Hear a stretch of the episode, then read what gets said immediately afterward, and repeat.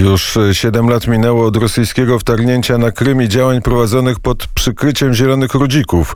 Rosja przez długi czas zaprzeczała obecności swoich wojsk na Krymie. Z czasem Putin nie tylko potwierdził fakt, że zielone ludziki to rosyjscy żołnierze, ale wręcz stał się to temat do chluby, a w Rosji ustanowiono medal za odbicie Krymu. Pierwszym, który przeciw, pierwszymi, którzy przeciwstawili się rosyjskim działaniom byli krymscy Tatarzy, a pierwszą ofiarą skrytobójczo zamordowany Reszat Ametow. I to będzie treść opowieści Pawła Bobołowicza z Kijowa. Dzień dobry, Pawle. Dzień dobry Krzysztofie, dzień dobry Państwu. Tak, faktycznie w tych dniach na Ukrainie szczególnie wspomina się wydarzenia sprzed siedmiu lat, gdy doszło do wtargnięcia rosyjskich wojsk na Krym i ostatecznie dokonano aktu rosyjskiej aneksji Krymu. Ukraina wskazuje datę 20 lutego 2014 roku jako kluczowy moment rozpoczęcia rosyjskiej agresji na Półwysep. Przełom lutego i marca, to przypomnę, że to czas, gdy w Kijowie doszło do zmiany władzy w wyniku rewolucji godności. Rosja w tym czasie już przerzucała swoje jednostki bez rozpoznawalnych znaków e, na Krym, tak zwane zielone ludziki, zajmowały kluczowe obiekty administracyjne i wojskowe. Na Krymie działała też prorosyjska samoobrona Krymu. 16 marca 2014 roku na Krymie i w Sewastopolu odbyło się tak zwane referendum. E, mówię tak zwane, ponieważ jest to referendum, którego przecież świat nie uznała. Jego, e, jego przeprowadzenie przypomina to, co działo się po II wojnie światowej, chociażby w Polsce pod rosyjskimi bagnetami, gdy po prostu w okolicznościach uniemożliwiających jakiekolwiek normalne demokratyczne demokratyczne wybory e, stosuje się pewne formy o nazwach demokratycznych, jak referendum. To referendum miało dotyczyć statusu Półwyspu.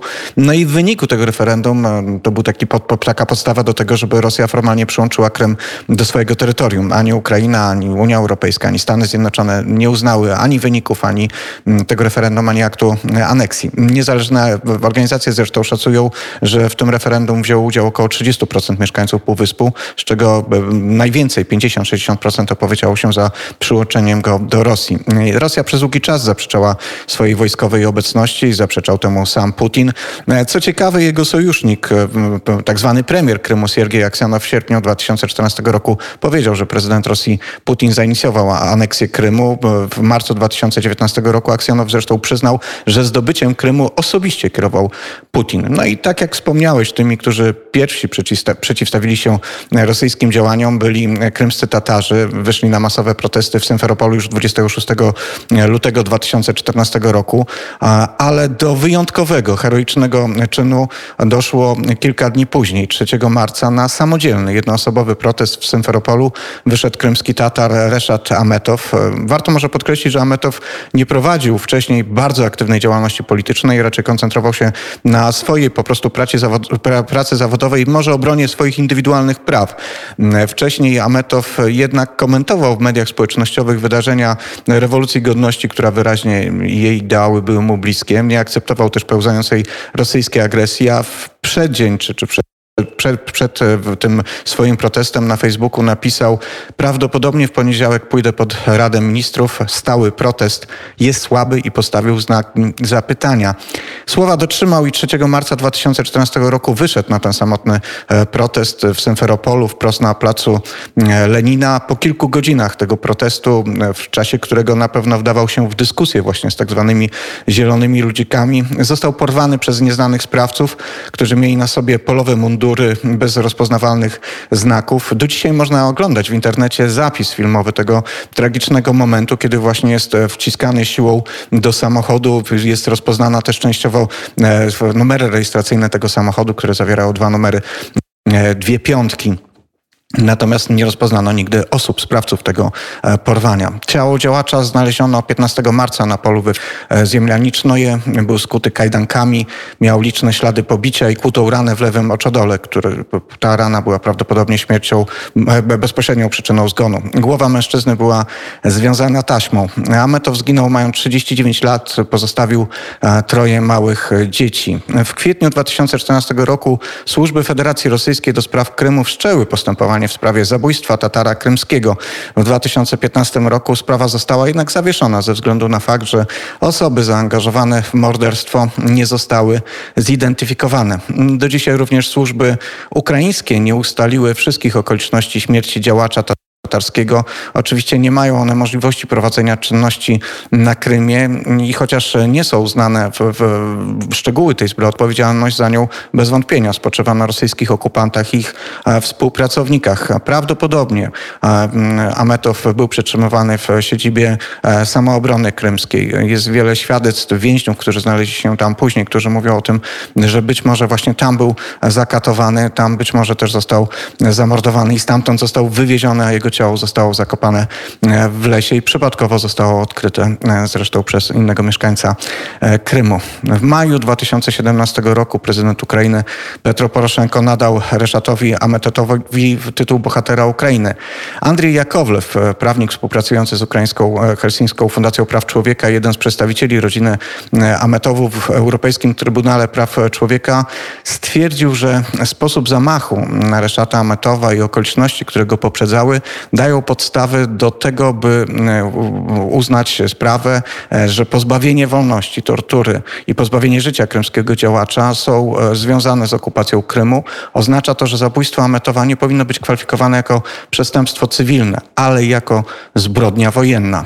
Rosyjskie służby takie akty przecież wykonywały też i później i w innych miejscach. Porwania niestety nadal są codziennością na Krymie. Prześladowania krymskich Tatarów są codziennością na Krymie, ale nie tylko prześladowania krymskich Tatarów, ale w ogóle wszystkich tych, którzy próbują w jakikolwiek sposób przypominać o tym, że aneksja Krymu została dokonana wbrew prawu międzynarodowemu, że mieszkańcy Krymu, ci, którzy są rdzennymi mieszkańcami Krymu, przede wszystkim krymscy Tatarzy, ale też Ukraińcy, nigdy na to swojej zgody nie dali. W ostatnich miesiącach znowu dokonywane są akcje masowych przeszukań domów krymskich Tatarów. Znowu są wysuwane oskarżenia o prowadzenie przez nich działalności terrorystycznej. Ale 3 marca 2021 roku, dokładnie w siódmą rocznicę właśnie tych wydarzeń, o których Państwu opowiadałem, związanych z Reszatem Ametowym, a warto może zwrócić uwagę na to, że rosyjskie służby uwielbiają nawiązywać do pewnych wydarzeń i rocznic w jakiś taki mm, perwersyjny sposób, może podkreślając, że do tego się nawet noszą i jakoś wskazując też na pewną odpowiedzialność swoją za te wydarzenia. Właśnie 3 marca 2021 roku rosyjski sąd wojskowy południowego okręgu w Rostowie nad Donem bezprawnie uznał proukraińskiego działacza Ołecha Prychotkę, obywatela Ukrainy z Krymu, winnym przechowywania materiałów wybuchowych i przygotowania aktu terrorystycznego e, i skazał go na 5 lat więzienia. 62-letni mieszkaniec e, Krymu e, został zatrzymany e, w październiku 2019 roku. Nigdy nie ukrywał swojej proukraińskiej pozycji, bo czuł się obywatelem cały czas Ukrainy, ale rosyjskie służby oskarżyły go o próbę przygotowania serii zamachów, między innymi na rosyjski konsulat w Lwowie. No i potem przetrzymywaniu w areszcie na terenie Federacji Rosyjskiej 3 marca, tak jak już Państwu powiedziałem, tego roku został skazany na 5 lat e, więzienia. Miałem okazję w tym tygodniu rozmawiać z e, działaczami e, krymskimi, z krymskimi Tatarami. Między innymi rozmawialiśmy o tej najnowszej inicjatywie, czyli pomysłu Platformy Krymskiej, tego co zostało zaproponowane przez Ukrainę, czyli spotkania międzynarodowego, na którym liderzy międzynarodowi zaczęliby rozmawiać o przyszłości Krymu, o tym, co na Krymie powinno się wydarzyć, co z Krymem ma się dziać dalej. To spotkanie e, miałoby się odbyć 23 e, sierpnia e, i wtedy właśnie miałyby zapaść te decyzje, ale też miałaby być wywarta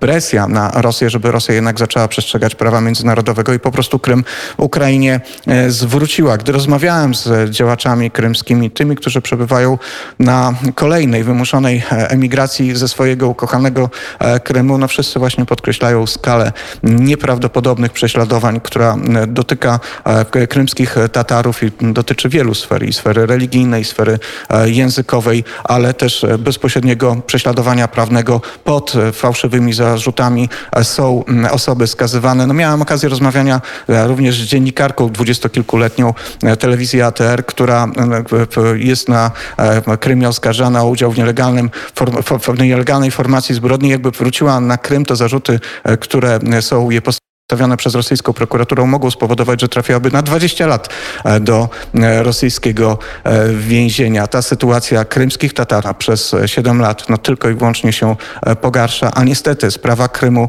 gdzieś bardzo często w tych wszystkich problemach związanych z Rosją schodzi na plan dalszy.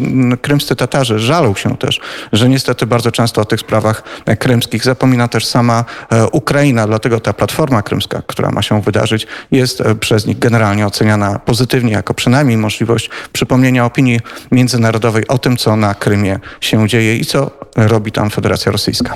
I na pewno tym przejmie się e, prezydent Putin, tak jak przejmuje się wszystkimi sankcjami, e, które są nakładane na Rosję. Te sankcje dotyczą rozmaitych sfer, ale jednej e, nie dotyczą, czyli Nord Stream 2, czyli gazociąg, który ma połączyć Niemcy z Rosją, nadal jest, nadal jest budowany i Niemcy, którzy tak dbają o demokrację, nie zamierzają zrezygnować z tego, bo jak powiedział inżynier Jerzy Majcher, to właśnie na tym tym e, gazociągu opierają swoje bezpieczeństwo energetyczne, więc z tego e, zrezygnować e, nie mogą.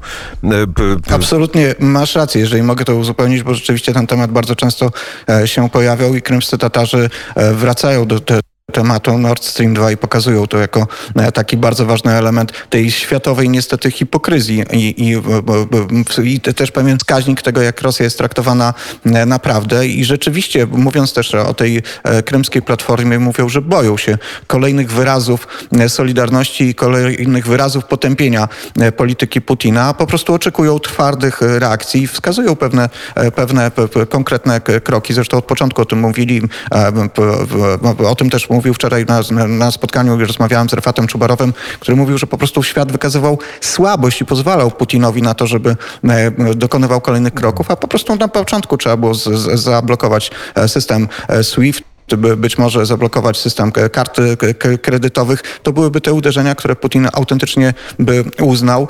Mówią też o konieczności pełnej izolacji dyplomatycznej. No na razie, jak widzimy, wygląda to w całkowicie inny sposób. To jeszcze dodam jedno zdanie, bo nakładane są sankcje na Rosję. Patrzę e, na raport litewskich e, służb dotyczących Rosji, uściśnięte dłonie e, prezydenta Putina i pana Łukaszenki. Na zdjęciu uśmiechają się e, panowie, bo rosyjskie wojska będą mogły e, śmiało e, dojechać do granicy polskiej, do granicy litewskiej, czyli to właściwie Władimir Putin jest zwycięzcą tych wszystkich sporów, które toczą się za naszą wschodnią granicą. No niestety, z przykrością, ale może jeszcze do tej hipokryzji światowej dorzućmy tę informację z wczoraj, że była szefowa Ministerstwa Spraw Zagranicznych Austrii, która no takie słynne zdjęcie, filmik, jak tańczyła z Putinem na weselu, weszła do władz Rosnieftu i to pokazuje, jakie Rosja ma narzędzia i jak powoduje, jak działa, jak wpływa na polityków zachodnich. Oczywiście przykład Schrödera jest tutaj e, wyraźny, a Rosja e, nie bawi się tylko na, w tańce na weselach europejskich polityków, ale tak jak powiedziałeś, no po prostu przygotowuje się do możliwej agresji na inne państwa, rosyjskie wojska na polskiej granicy. No przecież chyba nie myślą o tym, że e, będą się przed nami bronić, bo Polska nie prowadzi polityki agresywnej. My już w poranku wnet nie zatańczymy. Paweł Bobołowicz, bardzo serdecznie dziękuję za rozmowę.